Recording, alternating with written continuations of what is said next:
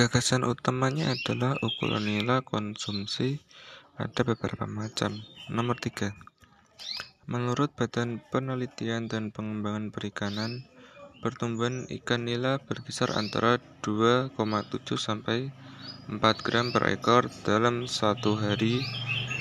Ikan nila yang beratnya 130 sampai 150 gram pertumbuhannya relatif lebih cepat dibandingkan dengan ikan yang lebih besar. Sementara itu, ikan yang beratnya 500 gram memerlukan waktu yang lebih lama untuk mencapai berat 800 sampai 1000 gram. Lamanya waktu tentu akan menghabiskan pakan yang juga lebih banyak. E, gagasan utamanya adalah pertumbuhan ikan nila bermacam-macam, tergantung beratnya.